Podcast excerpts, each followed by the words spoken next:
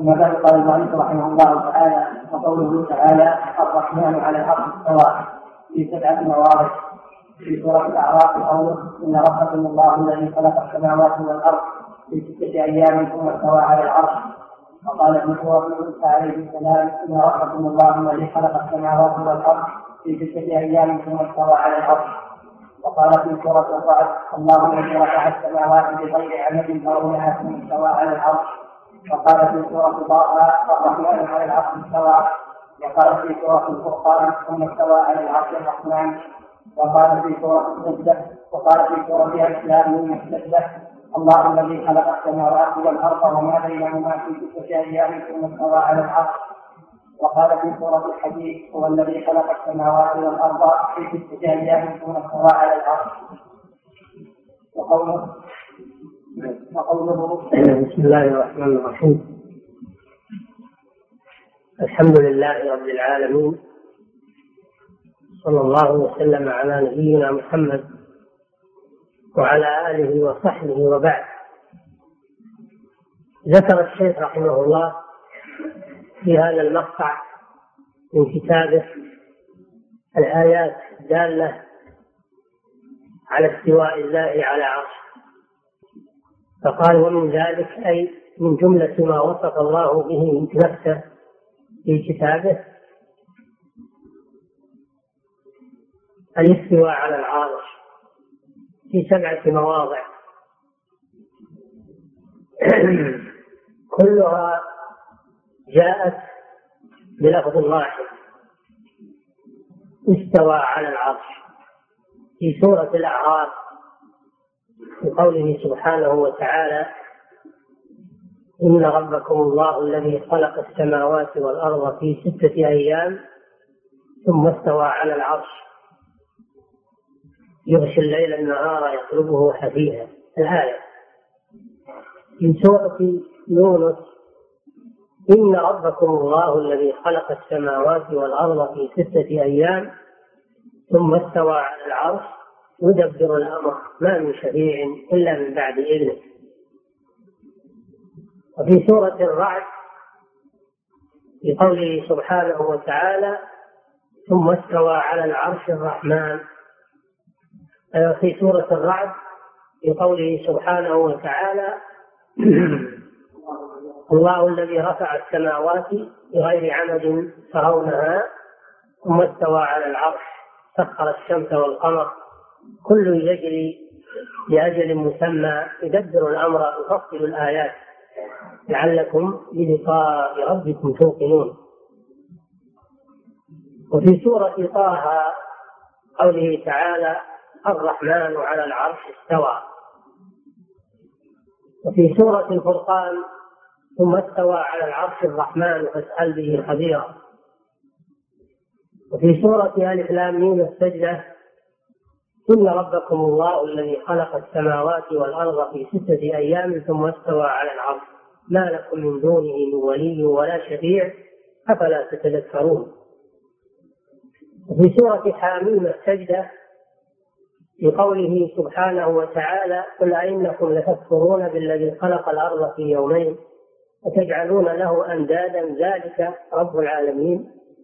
وجعل فيها رواسي من فوقها وبارك فيها.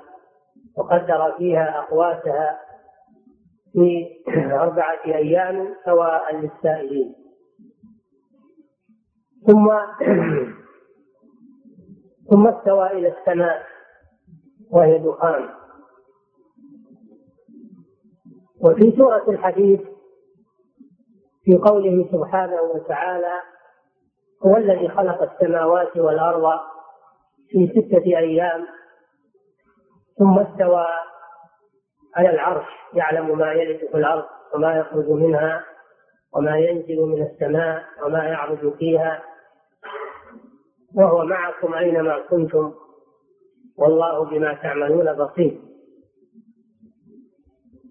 فهذه سبعة مواضع من كتاب الله كلها اضطردت بلفظ واحد مما يدل على أن معناها واحد.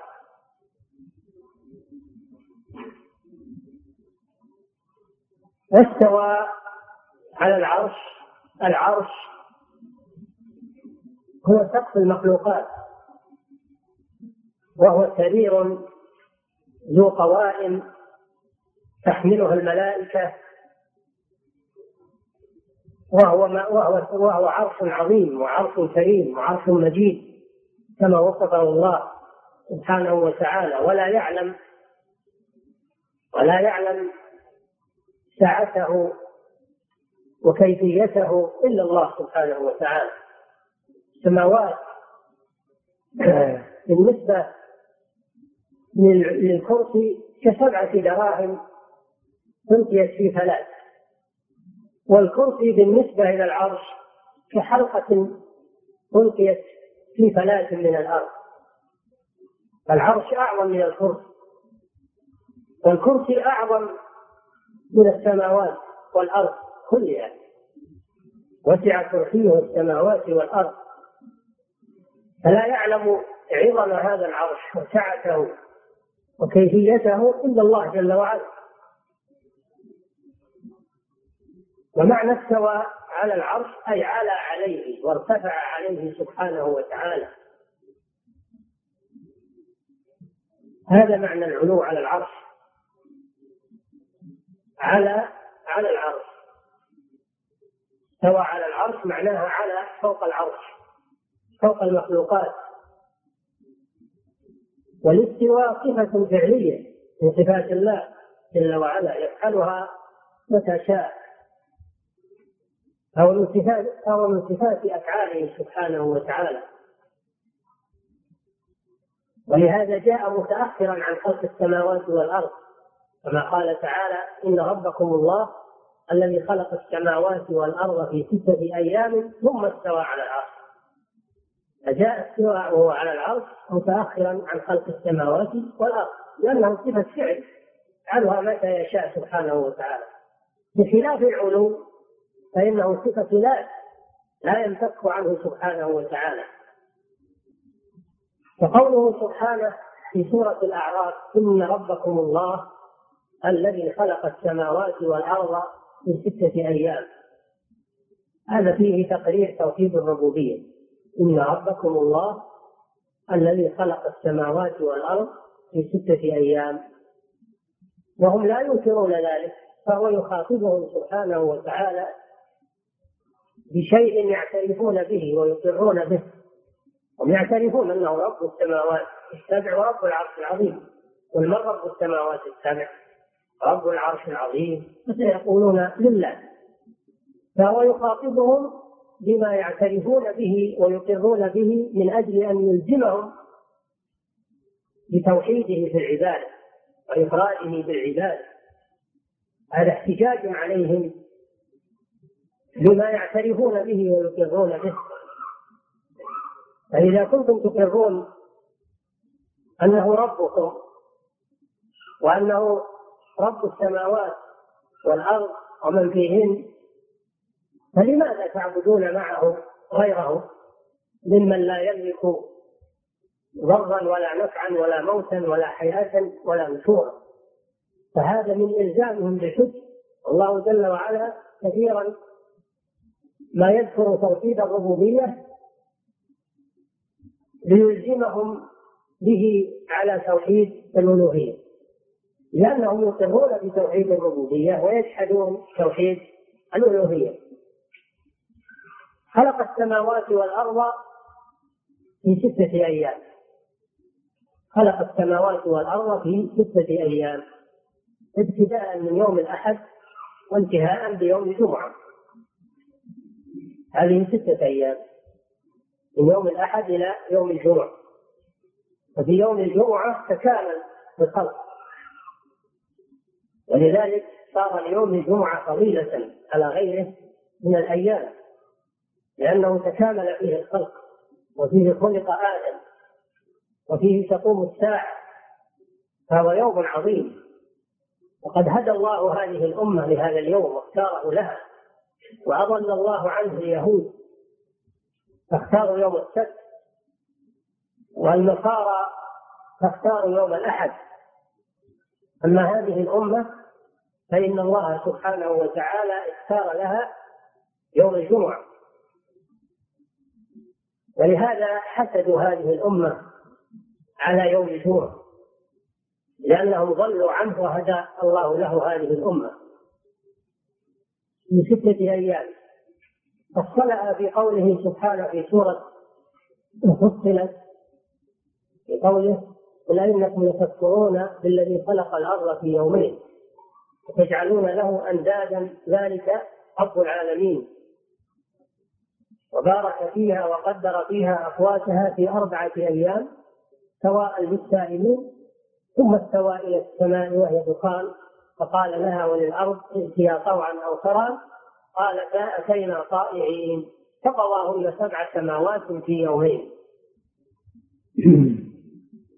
هذا تفصيل لما جاء في الآيات السابقة من خلق السماوات والأرض في ستة أيام. لأنه خلق الأرض في يومين وخلق السماوات في يومين ثم إنه سبحانه وتعالى قدر أقوات الأرض وما فيها في يومين هذه ستة أيام. هذه ستة أيام.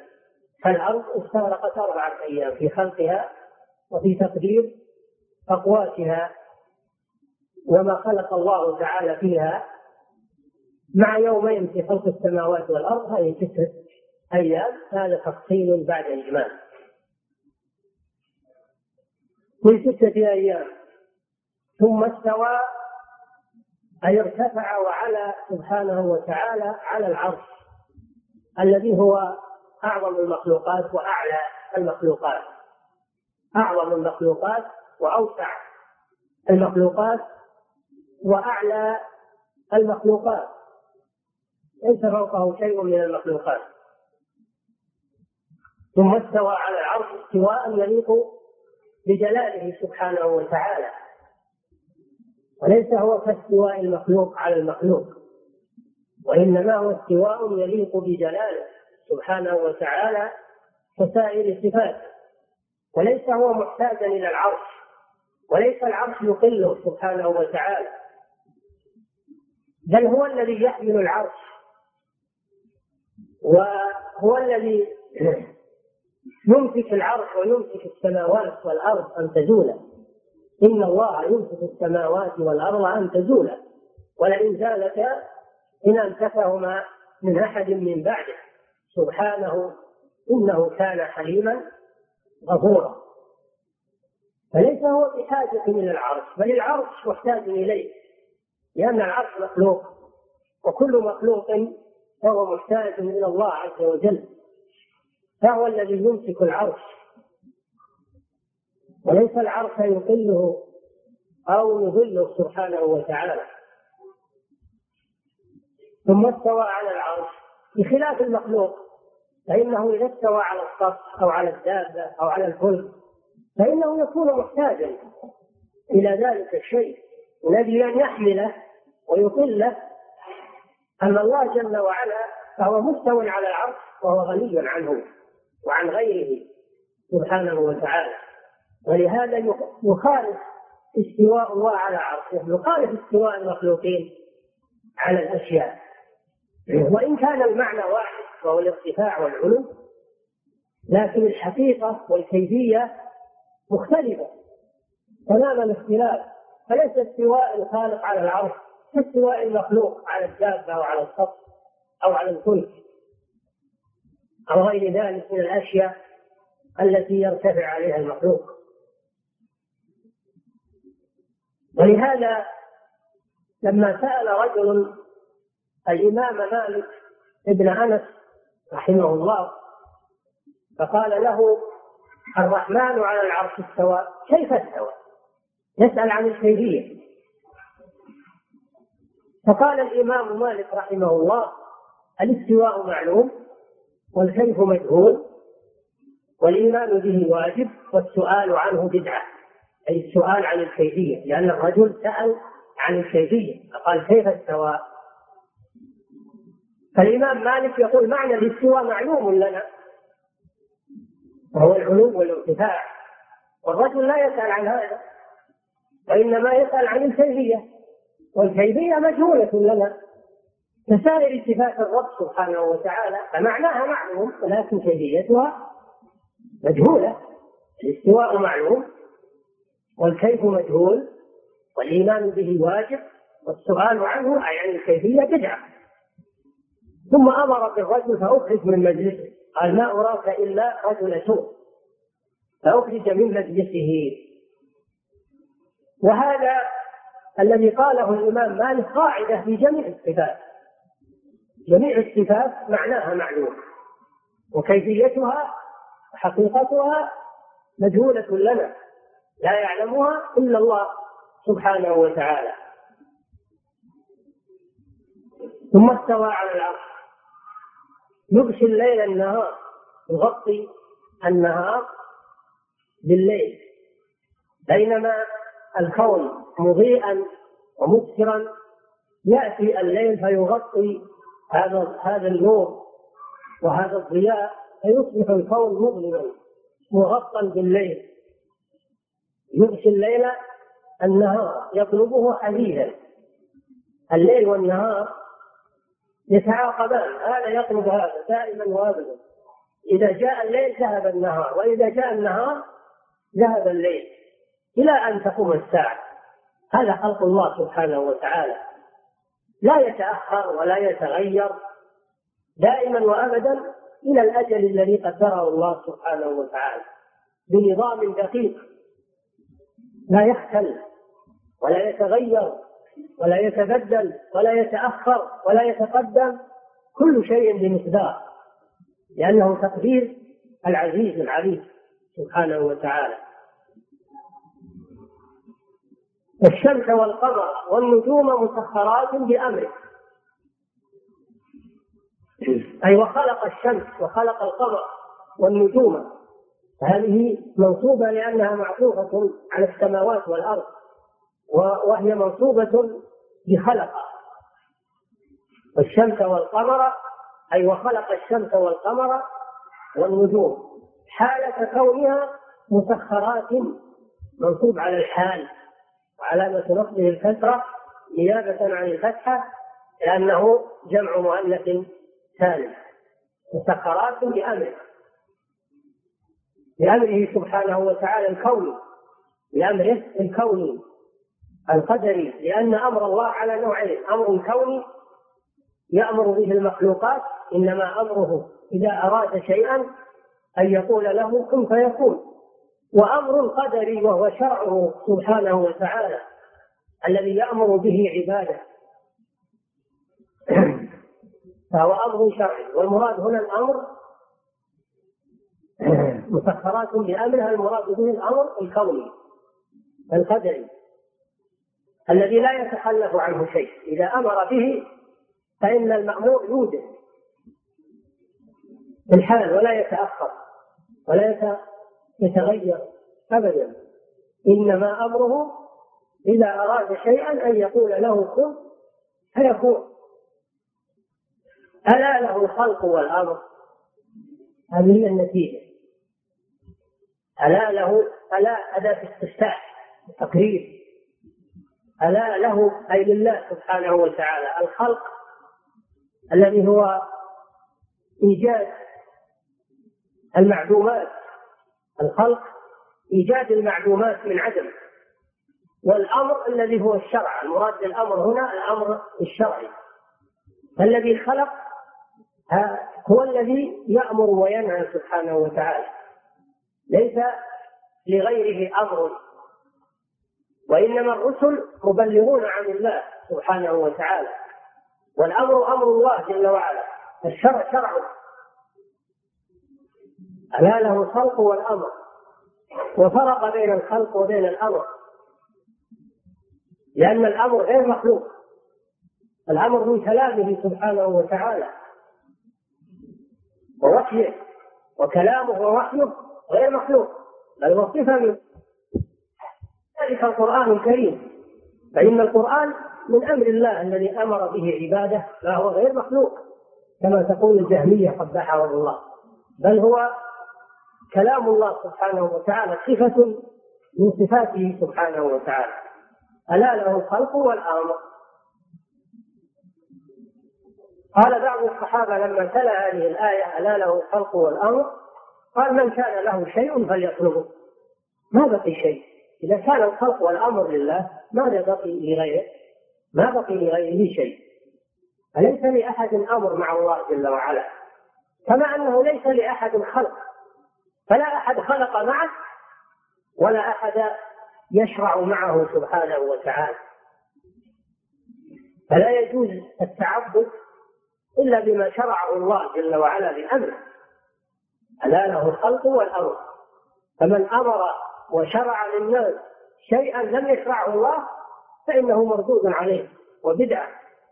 ألا له الخلق والأمر. تبارك الله رب العالمين. ثناء على الله. سبحانه وتعالى الذي هذه صفاته وأفعاله جل وعلا. وفي سورة يونس إن ربكم الله الذي خلق السماوات والأرض في ستة أيام ثم استوى على العرش. مثل سياق آية الأعراف.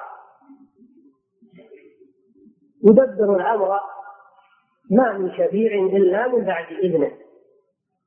يدبر الأمر له الأمر سبحانه وتعالى كما في سورة الأعراف. فلا أحد يدبر مع الله جل وعلا بل هو المنفرد بالتدبير والأمر والنهي. ليس له شريك في ذلك.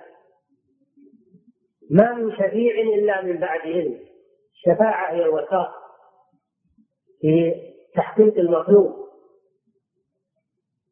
هي الوساطة في تحقيق المطلوب أو هي سؤال الخير سؤال الخير للغير. سؤال الخير للغير. الشفاعة عند الله تختلف عن الشفاعة عند المخلوقين.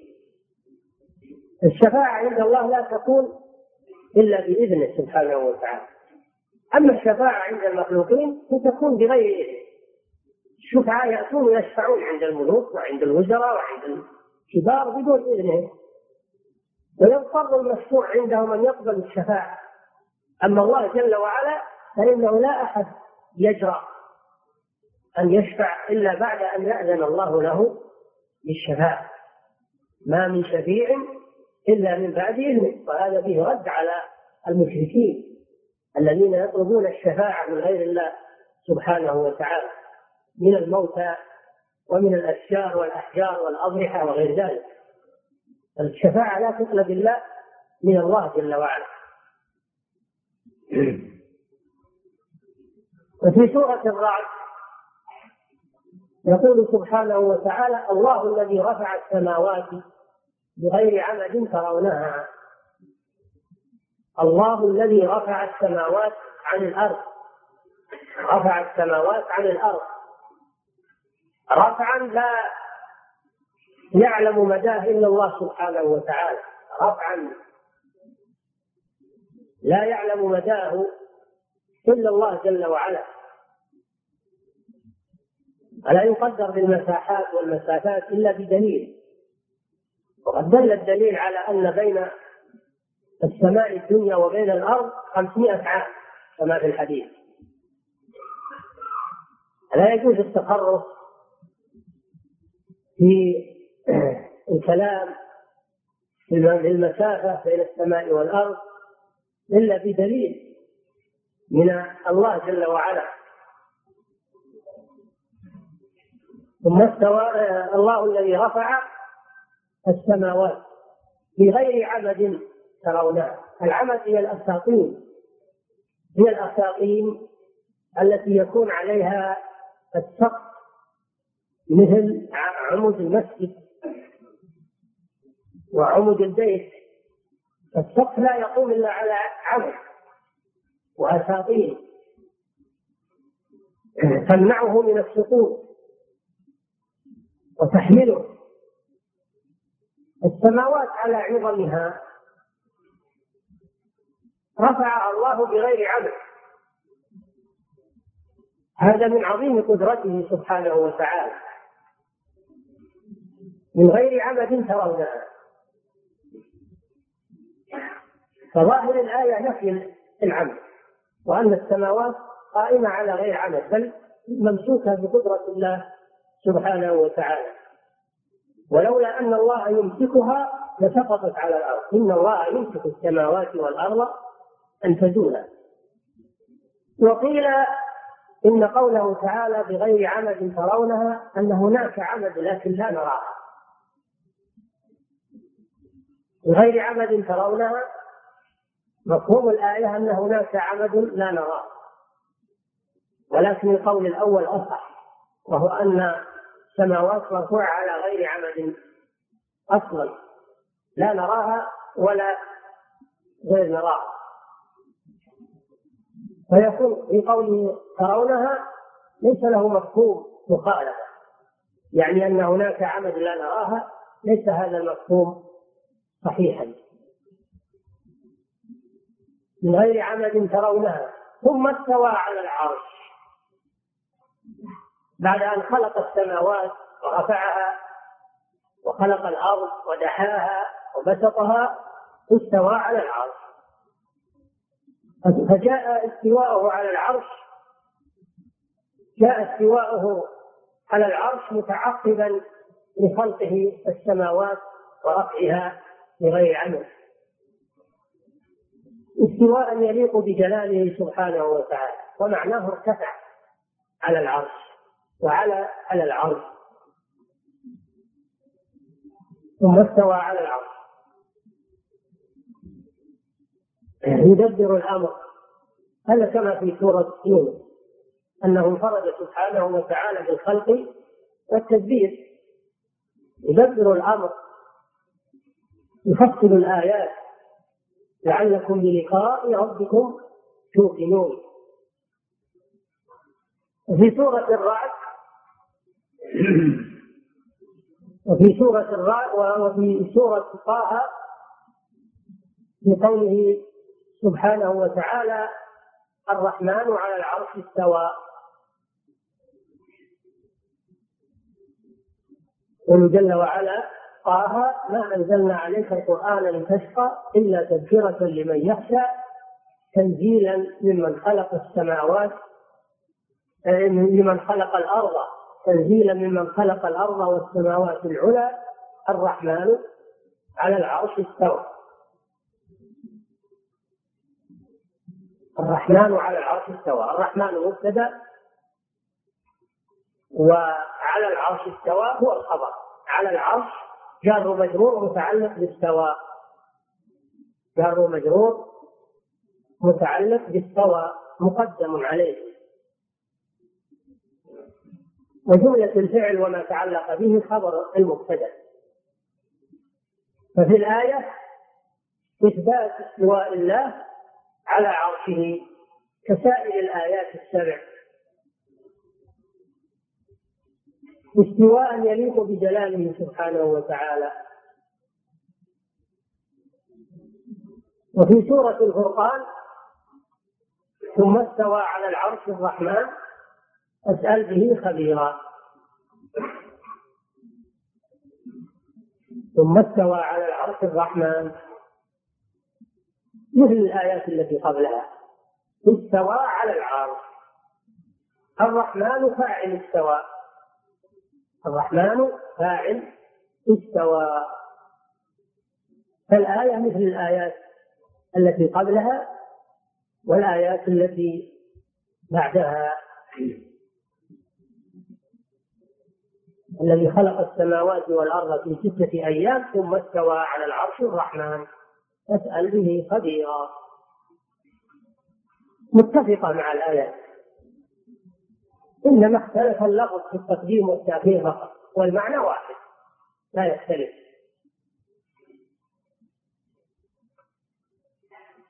وفي سورة الإسلام السجدة إن ربكم الله الذي خلق السماوات والأرض في ستة أيام ثم استوى على العرش. ما لكم من دونه من ولي ولا شفيع. أفلا تتذكرون؟ مثل سورة مثل آية الأعراف وآية يونس إن ربكم الله الذي خلق السماوات والأرض في ستة أيام ثم استوى على العرش. السياق واحد. سياق الآية مثل سياق آية الأعراف وآية يونس سواء والمعنى واحد وهو علو الله جل وعلا على عرشه بعد خلق السماوات والأرض. وفي سورة الحديد يقول جل وعلا هو الذي أي الله سبحانه وتعالى فهو ضمير منفصل يرجع إلى الله جل وعلا. لأن أول السورة سبح لله ما في السماوات والأرض وهو العزيز الحكيم. له ملك السماوات والأرض وهو على كل شيء قدير هو الأول والآخر والظاهر والباطن وهو بكل شيء عليم هو الذي خلق السماوات والأرض في ستة أيام. خلق السماوات والأرض في ستة أيام تقدم في سورة الأعراف وفي سورة يونس أيضا في سورة السجدة الإسلام من السجدة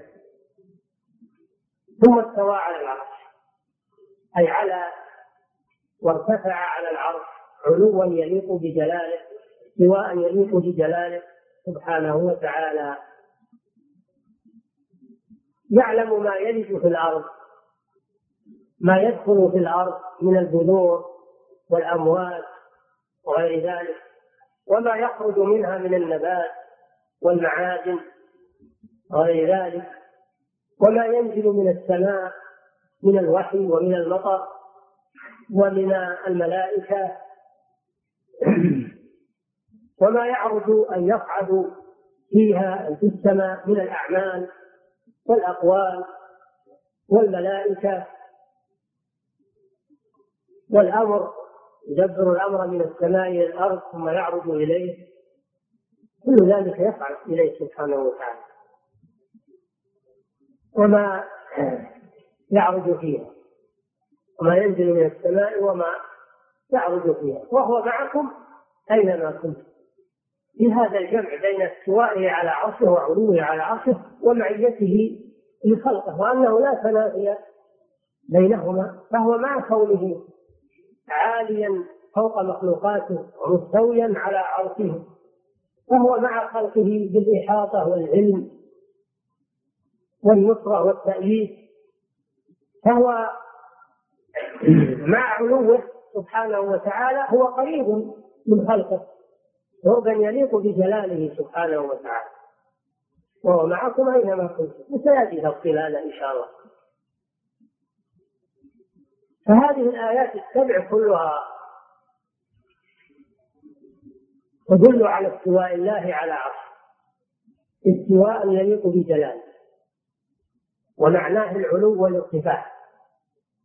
وهذا مذهب أهل السنة والجماعة يؤمنون بذلك لما دلت عليه هذه الآيات أن الله سبحانه وتعالى مستو على عرشه استواء يليق بجلاله سبحانه وتعالى وليس هو بحاجة إلى العرش وما دونه بل هو بل العرش وما دونه محتاج إلى الله سبحانه وتعالى.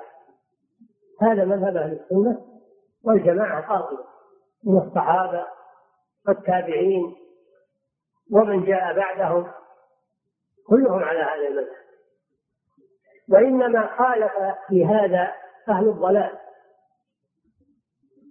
من الجهمية والمعتزلة ومن تابعهم من الفرق الضالة فإنهم ينفون علو الله على خلقه.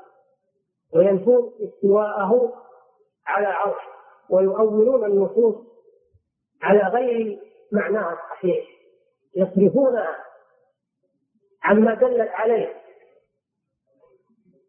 تبعا لأهوائهم وضلالهم.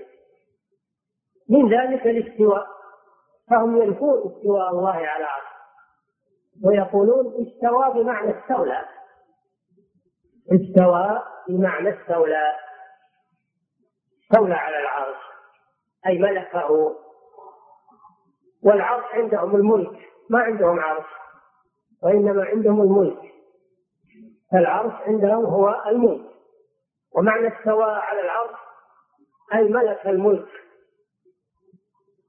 وملكه وقهره. هذا كلامه. لا يؤمنون بعرش ولا يؤمنون باستواء ويخالفون صريح القرآن الكريم. ويفسرون استوى بمعنى استولى. هكذا يقولون. وهذا كلام باطل من عدة وجوه. أولا أن هذا التفسير الذي فسروا به الاستواء بالاستيلاء تفسير لم يعرف عن السلف لا عن الصحابة ولا عن التابعين ولا عن القرون المفضلة وإنما حدث هذا التفسير بعد تغير العقائد وبعد انتهاء وقت القرون المفضلة التي أثنى عليها رسول الله صلى الله عليه وسلم. وليس في كلام السلف تفسير الاستواء بالاستيلاء بل إن السلف يفسرونها بأربعة معاني. استوى بمعنى ارتفع. استوى بمعنى على استوى بمعنى صعد. صعد على السماء على العرش. صعد على العرش. استوى بمعنى استقر على العرش. أربعة معاني. ولهذا يقول العلامة ابن القيم ولهم عبارات عليها أربع. يعني للسلف. لهم عبارات عليها أي على لفظة استوى. أربع. يفسرونها بأربعة تفاسير. ولهم عبارات عليها أربع. قد حسنت للفارس الطعام وهي استقر وقد علا. وكذلك ارتفع الذي ما فيه من نكران وكذاك قد صعد الذي هو رابع. وابو عبيده صاحب الشيباني يختار هذا القول في تفسيره. أدرى من الجهمي بالقرآن. أربع عبارات. هذا المعروف عن السلف استوى بمعنى ارتفع على العرش. استوى بمعنى على على العرش. استوى بمعنى استقر على العرش. استوى بمعنى صعد على العرش. هذا تفسيره. وليس في تفاسيرهم استولى آه ليس هذا معروفا عن السلف. للاستقراء والتتبع لم يوجد في كلام السلف غير هذه المعاني الأربعة. ليس فيها لفظ خامس وهو استولى هذا الوجه الأول أن هذا غير معروف عن السلف قاطبة. وهذه تفاسيرهم ليس منها استولى فهو تفسير محدث مردود ثانيا ليس في لغة العرب التي نزل بها القرآن استوى بمعنى استولى. لغة العرب أولا المأثور ليس فيه كما عرفتم في الوجه الأول. ثانيا لغة العرب التي نزل بها القرآن لم يأتي استوى بمعنى استولى. أبدا. وأما ما ذكروه من بيت مجهول يقول استوى بشر على العراق من غير سيف أو دم مهراق. والمراد ببشر بشر بن مروان بن الحكم. أخو عبد الملك بن مروان صار أميرا على العراق. فقال الشاعر استوى بشر على العراق بمعنى استولى على العراق. ليس معناه البشر صار فوق العراق. وإنما معناه استوى يعني استولى على العراق. تأمر عليه وصار أميرا فيه. والرد على هذا البيت أنه مجهول. لا يعرف قائله ليس هو من شعر العرب الذين يحتج بشعرهم. وإن نسبوه إلى الأفضل فإنه كذب. لم يثبت حتى ولا عن الأفضل. ولو ثبت عن الأفضل فالأفضل نصراني. والنصارى عندهم تحريف لكتاب الله عز وجل. فهذا من تحريفهم.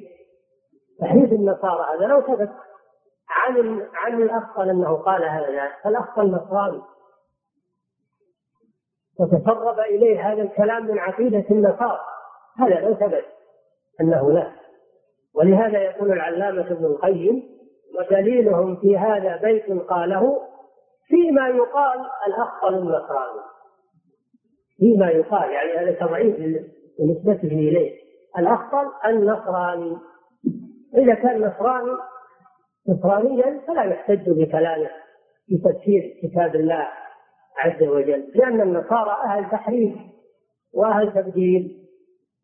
قد حرفوا التوراة والإنجيل فلا يعجزون أن يحرفوا القرآن.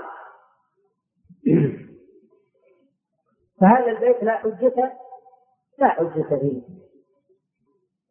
وليس هو من كلام العرب الذين يحتج بكلامهم.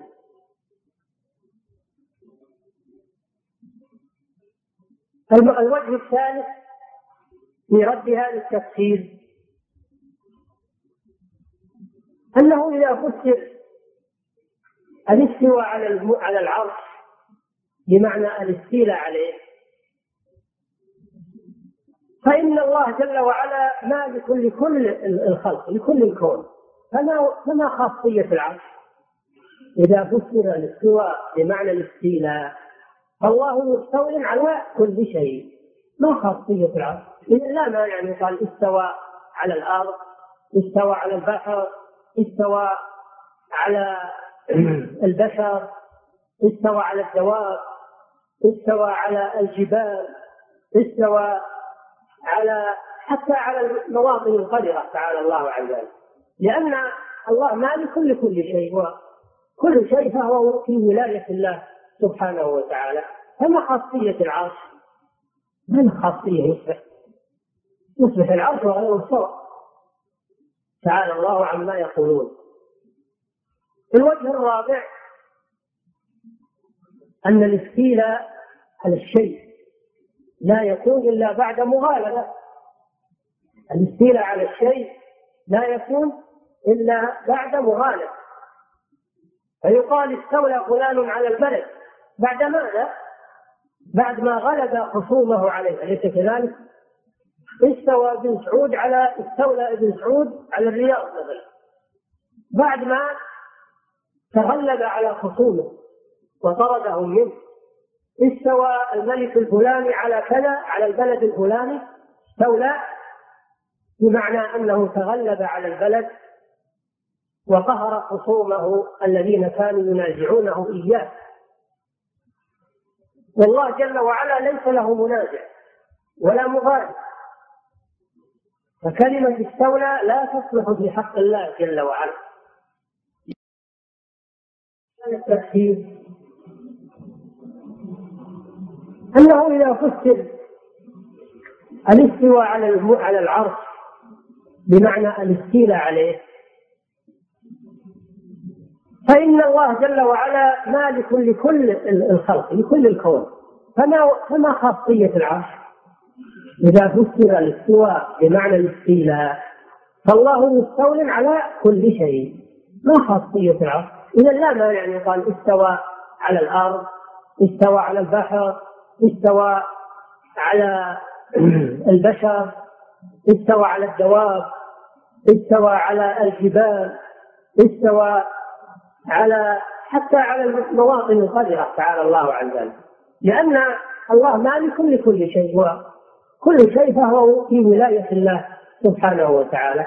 فما خاصية العرش؟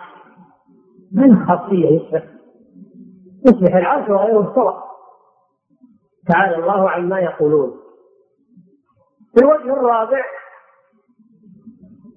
أن الاستيلاء على الشيء لا يكون إلا بعد مغالبة. الاستيلاء على الشيء لا يكون إلا بعد مغالبة. فيقال استولى فلان على البلد. بعد ماذا؟ بعد ما غلب خصومه عليه أليس كذلك؟ استوى ابن سعود على استولى ابن سعود على الرياض مثلا. بعد ما تغلب على خصومه وطردهم منه استوى الملك الفلاني على كذا على البلد الفلاني استولى بمعنى أنه تغلب على البلد وقهر خصومه الذين كانوا ينازعونه إياه. والله جل وعلا ليس له منازع ولا مغالب. فكلمة استولى لا تصلح في حق الله جل وعلا لأنه ليس له منازع ولا مغالب كما يكون للمخلوقين بعضهم مع بعض فيقال استولى فلان على المملكة أو على البلد بمعنى أنه غلب عليها وقهر خصومه وملكها بعده. هذا لا يليق بحق الله جل وعلا. هذا الوجه الكم؟ الرابع. الوجه الخامس؟ الجهمية والمعتزلة وفسرنا استوى بمعنى استولى. فمعناه أن العرش مضى له وقت لم يستولي الله عليه ليس هو في ملك الله عز وجل. مع أن العرش مخلوق قبل السماوات بخمسين ألف سنة. كما قال تعالى خلق السماوات والأرض في ستة أيام وكان عرشه على الماء. وكان عرشه على الماء. فالعرش مخلوق قبل السماوات والأرض بخمسين ألف سنة كما في الحديث. فإذا كان لم يستولي الله عليه بزعمكم إلا بعد خلق السماوات والأرض فالمدة الماضية من كان العرش في ملكه؟ تعالى الله عما يقولون. تعالى الله عما يقولون. الله جل وعلا ما لم يذكر أنه استوى أنه استوى على العرش إلا بعد خلق السماوات والأرض. والعرش مخلوق قبل خلق السماوات والأرض بخمسين ألف سنة. فإذا كان الله لم يستوي عليه إلا بعد خلق السماوات والأرض وفسرتم استوى بمعنى استولى. فالمدة الماضية من الذي استولى على العرش؟ تعالى الله عما يقولون. الحاصل أن مذهبهم باطل من كل الوجوه والحمد لله رب العالمين. نعم. نعم. نعم. الله جل وعلا يقول ثم استوى على العرش الرحمن فاسأل به خبيرا أي اسأل بالله اسأل بالله خبيرا وهم الرسل عليهم الصلاة والسلام. يخبرونك لأن الرسل هم أعلم الخلق بالله عز وجل. لا تسأل عن الله عز وجل جاهلا بحقه. نعم اسأل به أي بالله خبيرا وهم الرسل عليهم الصلاة والسلام يخبرونك عن الله جل وعلا وصفاته وأسمائه. فلا يجوز أن يسأل عن الله من, من هو جاهل. نعم. أو اسأل به خبيرا يعني نفسه سبحانه وتعالى. اسأل به خبيرا يعني نفسه سبحانه وتعالى فهو أعلم بنفسه وبغيره. المهم أنه لا يجوز أن يسأل في هذا وفي غيره إلا الخبر. حتى حتى في الأمور الدنيا. حتى في أمور الدنيا ما يليق أنك تسأل جهال. في أمور الصناعات والحرف وإنما تسأل الخبراء فهذه قاعدة أن الخبير هو الذي يسأل.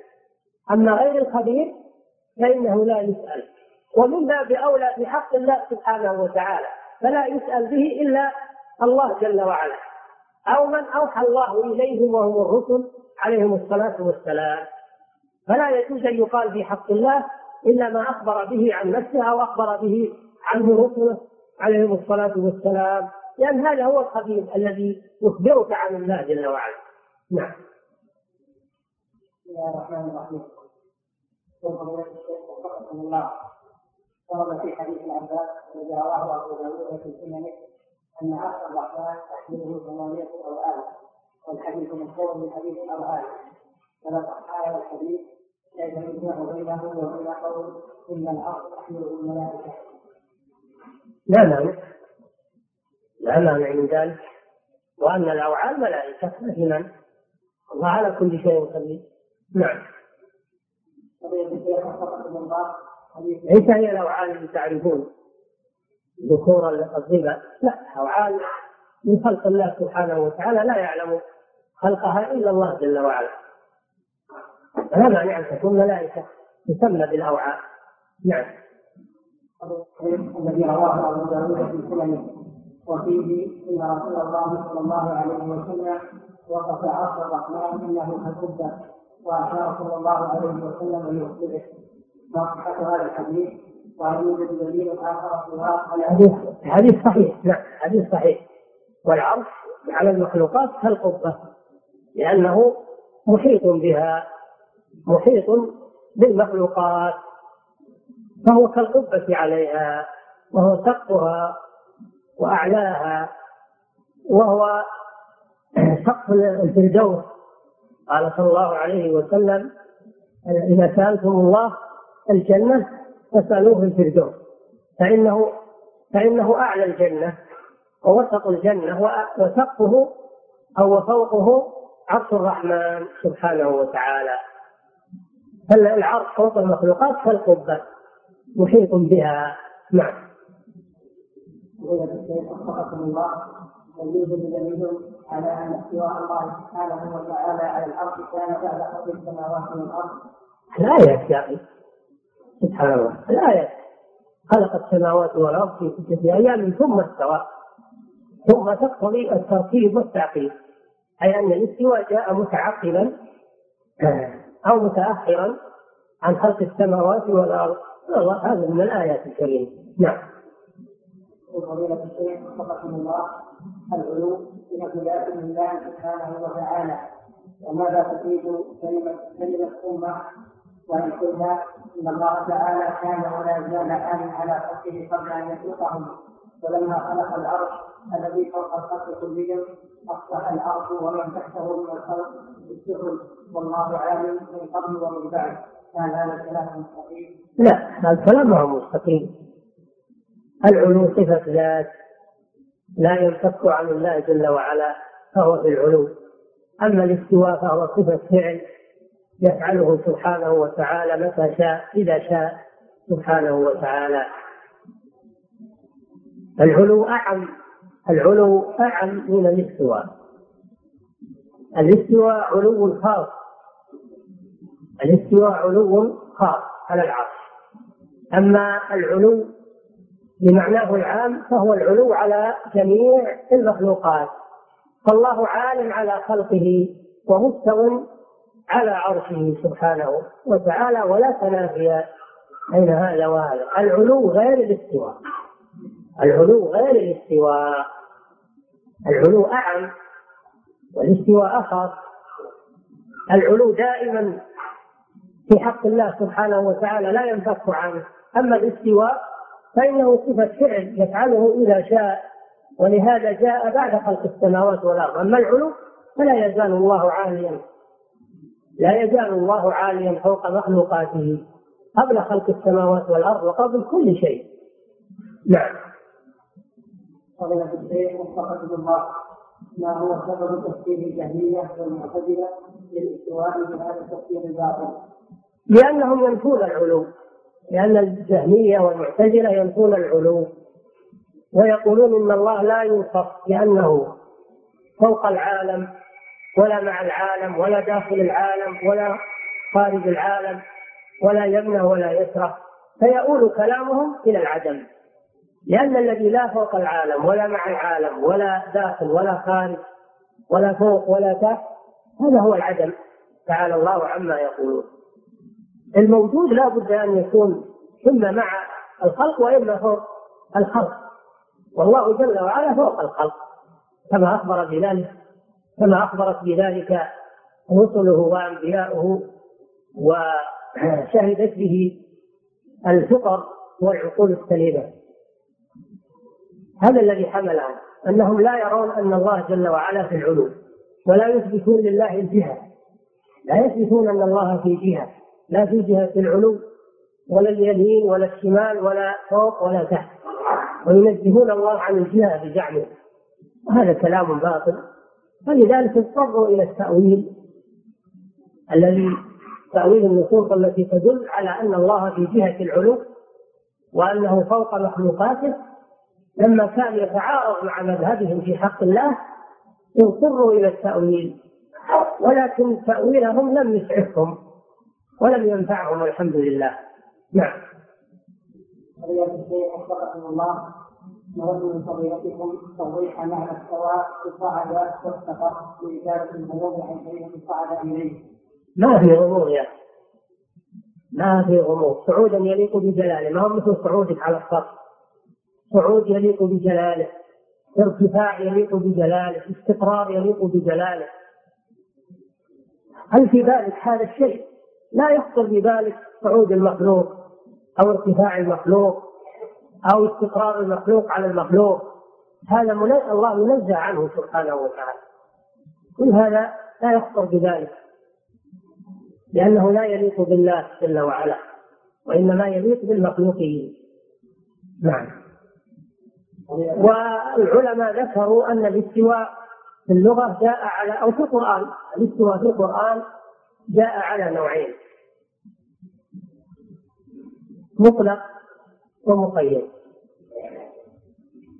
المطلق مثل قوله تعالى ولما بلغ أشده واستوى وهذا معناه تكامل. استوى يعني يعني تكامل. وتم. لما بلغ موسى عليه السلام أشده واستوى أي تكامل خلقه وخلقه عليه الصلاة والسلام.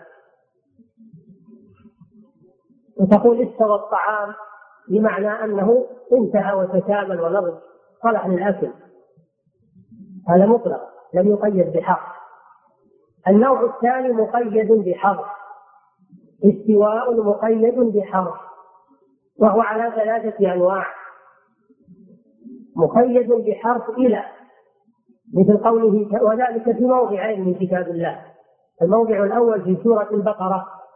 في قوله سبحانه وتعالى هو الذي خلق لكم ما في الأرض جميعا ثم استوى إلى السماء فسواهن سبع سماوات وهو بكل خلق عليم. الموضع الثاني في سورة فصلت قل أئنكم لتكفرون بالذي خلق الأرض في يومين تجعلون له أندادا ذلك رب العالمين وبارك فيها وقدر فيها أقواتها في أربعة أيام سواء للسائلين ثم استوى إلى السماء. ومعنى استوى في الآيتين معناه على وارتفع إلى السماء سبحانه وتعالى. على وارتفع إلى السماء. النوع الثالث استواء مقيد بعلى وهو كما في الآيات السبع التي مرت بكم. استوى على العرش. استوى على العرش ومعناه ارتفع واستقر على العرش قائد على العرش على على العرش ومثله في المخلوقين ثم استوت على الجود سفينة نوح استوت على الجود والجود جبل أي استقرت عليه وارتفعت عليه وعلت على الجبل. ومثل قوله تعالى وجعل لكم من الفلك والأنعام ما تركبون لتستووا على ظهوره. تستووا على ظهوره معناه تعلوا على ظهور المركوبات وتستقروا على ظهورها وتصعدوا على ظهورها وتعلو على تعلون على ظهورها. فمعنى استوى على كذا المعاني الأربعة صعد على ارتفع استقر.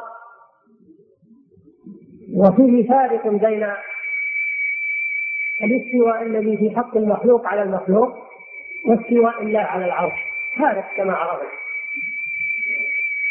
النوع الرابع النوع الثالث يعني النوع الثالث من المقيد بالحرف المقيد بحرف الواو التي تدل على المعية. المقيد الاستواء المقيد بحرف الواو التي تدل على المعية. كما تقول استوى الماء والخشبة سرت والطريق أي مع الطريق. استوى الماء والخشبة أي تساوى سطح الماء وسطح الخشبة فهذا معناه المساواة بين الماء والخشبة سرت والطريق أي سرت مع الطريق. سيري والطريق مسرعة كما يقول ابن مالك. فهذه تسمى واو المعية فالاستواء في كتاب الله لا يخرج أو في كتاب الله ولغة العرب لا يخرج عن هذه لا يخرج عن هذه المعاني الأربعة إما مطلق وإما مقيد والمقيد على ثلاثة أنواع في مجموع أربعة أنواع الله تعالى أعلم. نعم. ذكرتم حديث النبي صلى الله عليه وسلم بأن المسافة بين السماء والأرض 500 عام فما هو التوفيق بين هذا الحديث؟ وقوله تعالى تعرض إليه في يوم كان مقداره ألف سنة مما تعرضون كمل كمل الإشكال؟ الإشكال أيضا تعرض الملائكة والروح إليه في يوم كان مقداره خمسين ألف سنة. فجاء في آية خمسين ألف سنة وفي آية جاء ألف سنة.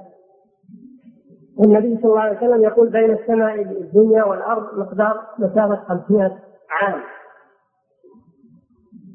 أقرب ما يقال والله أعلم أن أن هذا يختلف باختلاف السير.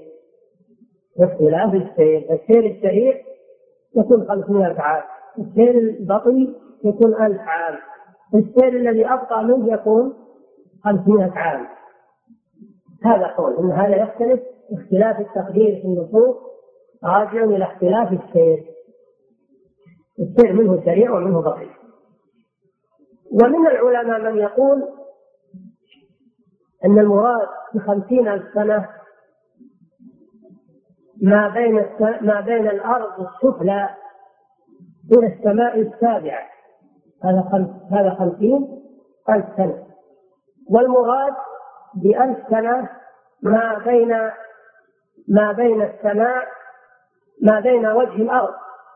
ألف سنة ما بين وجه الأرض إلى نهاية السماء الدنيا. لأن السماء الدنيا 500 سنة وما بينها وبين الأرض 500 سنة. المجموع كم؟ ها؟ ألف سنة. فيكون ألف سنة يعني من وجه الأرض إلى نهاية السماء الدنيا. الذي بين الأرض وبين السماء الدنيا 500 سنة. وكسف في السماء الدنيا كم؟ 500 سنة. المجموع ألف سنة وأما 500 عام كما في الحديث فهذا من وجه الأرض إلى السماء الدنيا. إلى السماء الدنيا هذا 500 عام. هذا جوابه وبعض العلماء يتوقف. ابن القيم رحمه الله لما ساق هذه الأقوال الجنونية توقف في النهاية. قال الله أعلم. نعم.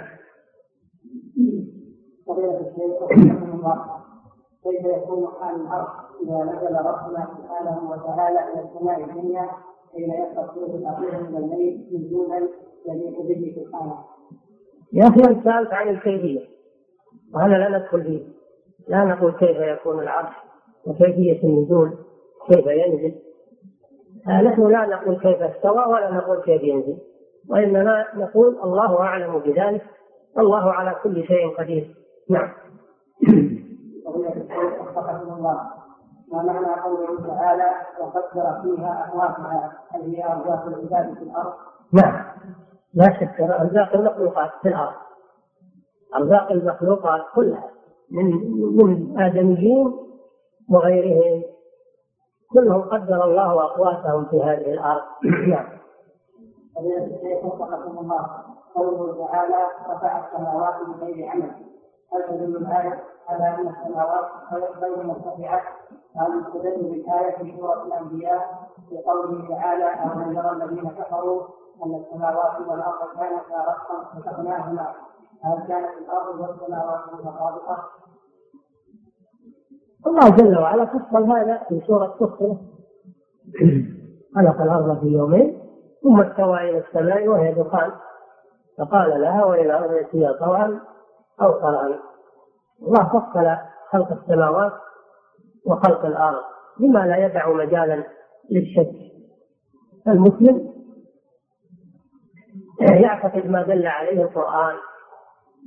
وأما قوله تعالى أولم يروا أن السماوات والأرض كانتا رتقا فالله أعلم أن المراد يفسرها قوله تعالى ففتقناهما وجعلنا من الماء كل شيء حي. ففتق الله السماء بالمطر وفتق الله الأرض بالنبات. فتق الله السماء بإنزال المطر منها وفتق الأرض بإنبات النبات فيها. كما قال تعالى فلينظر الإنسان إلى طعامه أنا صببنا الماء صبا ثم شققنا الأرض شقا فأنبتنا فيها حبا وعنبا وقربا وزيتونا ونخلا وحدائق غلبا وفاكهة وأبا متاعا لكم ولأنعامكم. ففسق هذه بالمطر وفسق هذه بالنبات. أما أن يقال أن الأرض كانت منخفضة بالسماء ثم أو مغلوب بالشمس بعد الشمس. إنه منخفضة بالشمس وبسرعة دوران الشمس انكسرت وطاح منها كسره وهذه صارت الأرض. هذا كلام باطل. وهذا قول على الله بلا علم. تعالى الله عما يقول. فهذه الأمور من أمور الغيب التي لا يعلمها إلا الله. ونحن نتبع ما جاء بالنصوص التي أخبر الله بها عن خلقه السماوات والأرض تفصيل ذلك. ولا نقول على الله بغير علم. قال تعالى ما أشهدتهم خلق السماوات والأرض ولا خلق أنفسهم وما كنت متخذ المضلين عودا فلا ندخل في هذه الأمور إلا بموجب الكتاب والسنة. فقط. نعم. آه.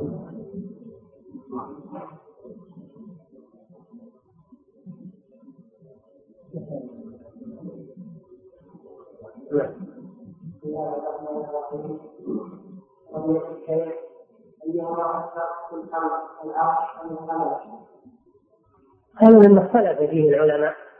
هل العرش أسبق أو القلم أسبق. يقول العلامة ابن القيم في النونية والناس مختلفون في القلم الذي كتب القضاء به من الديان هل كان قبل العرش أو هو بعده؟ قولان عند أبي على الهمداني والحق أن العرش كان قبل لأنه وقت الكتابة كان لا أركان. فالصحيح أن العرش قبل قبل خلق القلم. نعم. لأن الله تعالى لأن النبي صلى الله عليه وسلم أخبر أن الله كتب مقادير الخلق قبل أن يخلق السماوات والأرض بخمسين ألف سنة وكان عرشه على الماء فدل على سبق العرش وأنه كان قبل القلم وقبل الكتابة نعم. الذي ينبغي اليه الامر المعلم تعالى ما جاء به الدليل؟ كذا أما ما لم يأتي دليل أن الرسول استعمل الاشاره نحن لا نستعملها.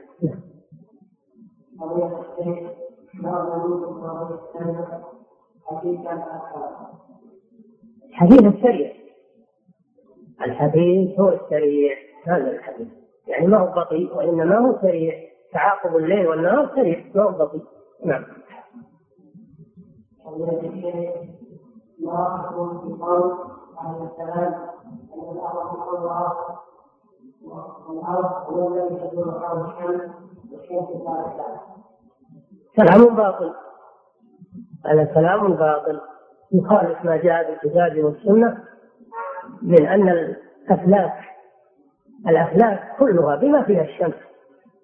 الشمس في ثلاث من الأفلاك الأفلاك كلها بما فيها من الكواكب ومنها الشمس والقمر وغير ذلك كلها تدور حول الأرض. والأرض مركز تدور عليها الأفلاك فالشمس فالأرض ثابتة ومستقرة. والشمس وغيرها من الكواكب تدور بأفلاكها حول الأرض. هذا هو صريح الكتاب والسنة. ومن قال بخلاف هذا فقوله باطل ومبني على تحرك لا دليل عليه. نعم.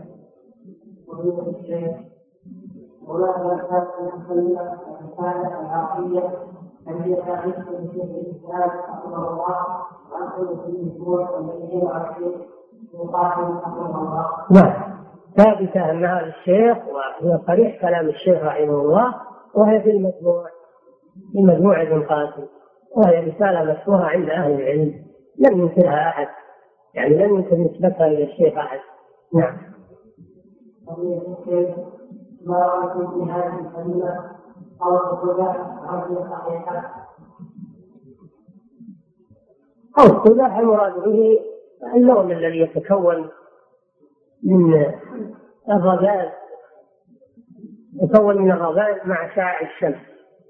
شعاع الشمس إذا ضرب الرذاذ التي الذي يكون من المطر أو من غيره تكون خط آه، ملون. فيه خضرة وفيه حمرة وفيه بياض. هذا نتيجة اصطدام شعاع الشمس بالرذاذ يسمون هذا قوس قزح اسمها من ما أعرف لها دليل وإنما هي شائعة عند الناس. وأصلها كما ذكرت لكم التقاء شعاع الشمس مع الرذاذ نعم.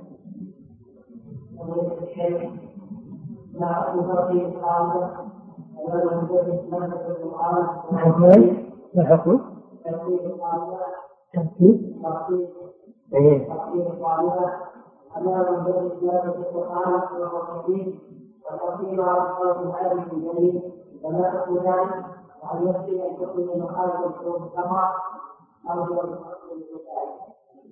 يجوز أن المرأة تقرأ القرآن بصوتها الفاتن عند الرجل. لما في ذلك من الفتنة. لا في القرآن ولا في غيره. لأن صوت المرأة خصوصا الشابة فيه فتنة. ولم يهدنا الله إلى هذا الشيء. النساء تعلمها النساء. النساء تعلمها النساء أو يعلمها محارمها. من أبيها أو أخيها أو قريبها أو زوجها. محارمها يعلمونها القرآن أو تعلمها امرأة قارئة للقرآن. وهن كثيرات ولله الحمد. قارئات القرآن الآن كثيرات. أما أنه رجل يسمع قراءات البنات فهذا منكر ولا يجوز. لما فيه من الفتنة. المرأة تغض صوتها عن الرجال في التلبية إذا أحرمت بالحج وفي الصلاة إذا نادى الإمام شيء فإنها لا تصوت. الرجل الرجل يقول سبحان الله والمرأة تصفق بكفيها كما عرفتم ولا تصوت لما في صوتها من الفتنة. والله تعالى يقول لنساء نبيه صلى الله عليه وسلم فلا تخضعن بالقول فيطمع الذي في قلبه مرض وقلن قولا معروفا الصوت فيه فتنة بلا شك.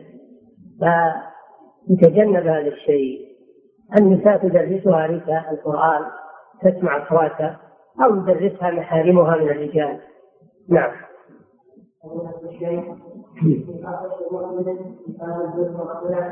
في حديث عائشة قال الرسول صلى الله عليه وسلم إن الله رحيم يحب الحديث عن صلى الله عليه ينسب إليه الرفق. بعباده والرفق معناه الرأفة بهم وعدم المشقة عليهم. والله يرفق بهم سبحانه وتعالى في أحكامه التي يشرعها لهم وأوامره ونواهيه وفي تدبيراته الكونية. فإن الله سبحانه وتعالى يرفق بعباده في الأحكام وفي غيرها. من التدبيرات الإلهية الله رفيق هذا من صفاته سبحانه وتعالى كما أن من صفاته الرحمة. رفيق يحب الرفق من عباده ويكره العنف والشدة والقسوة. لما في ذلك من المشقة على الناس. نعم.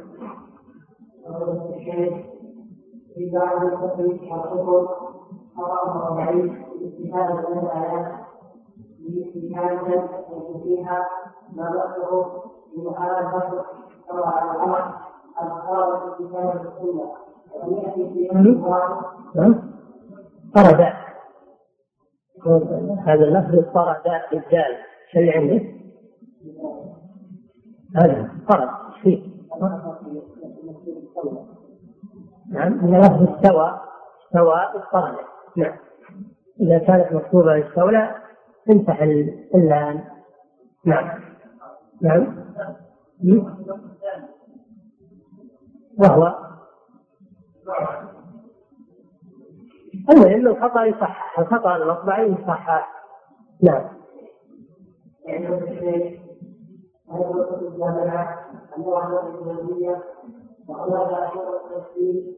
الجامعة الجامعة الإسلامية وقال التفسير الأشرطة اللي فيها فتنة لا تستمعون. لا تستمعوا أصوات النساء. لا من النساء مباشرة ولا من الأشرطة. ما دام فيها فتنة. نعم. فضيلة الشيخ فقال الأول هي الدستور أو الدستور فقط الآخر